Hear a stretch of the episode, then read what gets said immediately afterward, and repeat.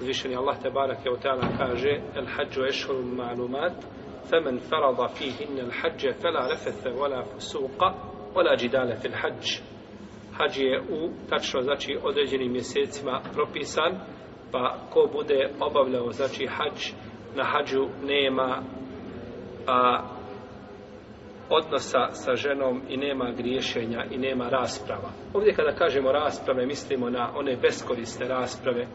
koje se često vode među ljudima, od kojih a, nema koristi i nije cilj od tih rasprava, nije cilj a, e, da čovjek dođe do haka i do istine, već je cilj samo da se raspravljaju ljudi, što je pogrešno i što je zabranjeno. I ko bude stjecao nauku da bi se raspravljao sa učenim ljudima, uzvišeni Allah će ga kazniti zbog toga.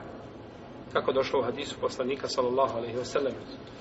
Jer nauka treba da se stječe radi Allaha za ođel i ako čovjek raspravlja, da raspravlja radi stvoritelja Tebara Keotala i ako mu se pokaže istina da je prihvati. Tako da u ovo ne ulaze naučne rasprave između dvojice alima, između dvojice učenika koji stječu nauku, pa svaki želi da dokaže i da argumentuje znači sa e, edebom, islamskim i etikom rasprave koju treba obzirti i o tome. No međutim da ljudi samo raspravljaju, pričaju i sjede nekad do, do, do iza ponoći, a, i pričaju o pitanjima, možda o kojima bi Omer sakupio učesnike bedra i raspravljaju i nakon toga nazovu daju u ponoć i kažu ko je od nas u pravu. Nije niko u pravu živi bio. To što ste kazali, jedni, drugi, treći raspravljate, a nemate o tome znanja, nije niko od vas u pravu i pričate o pitanjima o kojima trebate najmanje 10 godina da gnijete stolicu učeći nauku širijetsku pa onda da razgovarate. To su znači rasprave koje nisu šarijetski utemeljene i koje su samo puko, znači e, mišljenje ili, ili govor o Allahovoj vjeri bez znanja. I svakako rasprave svih drugih vrsta, ako rasprava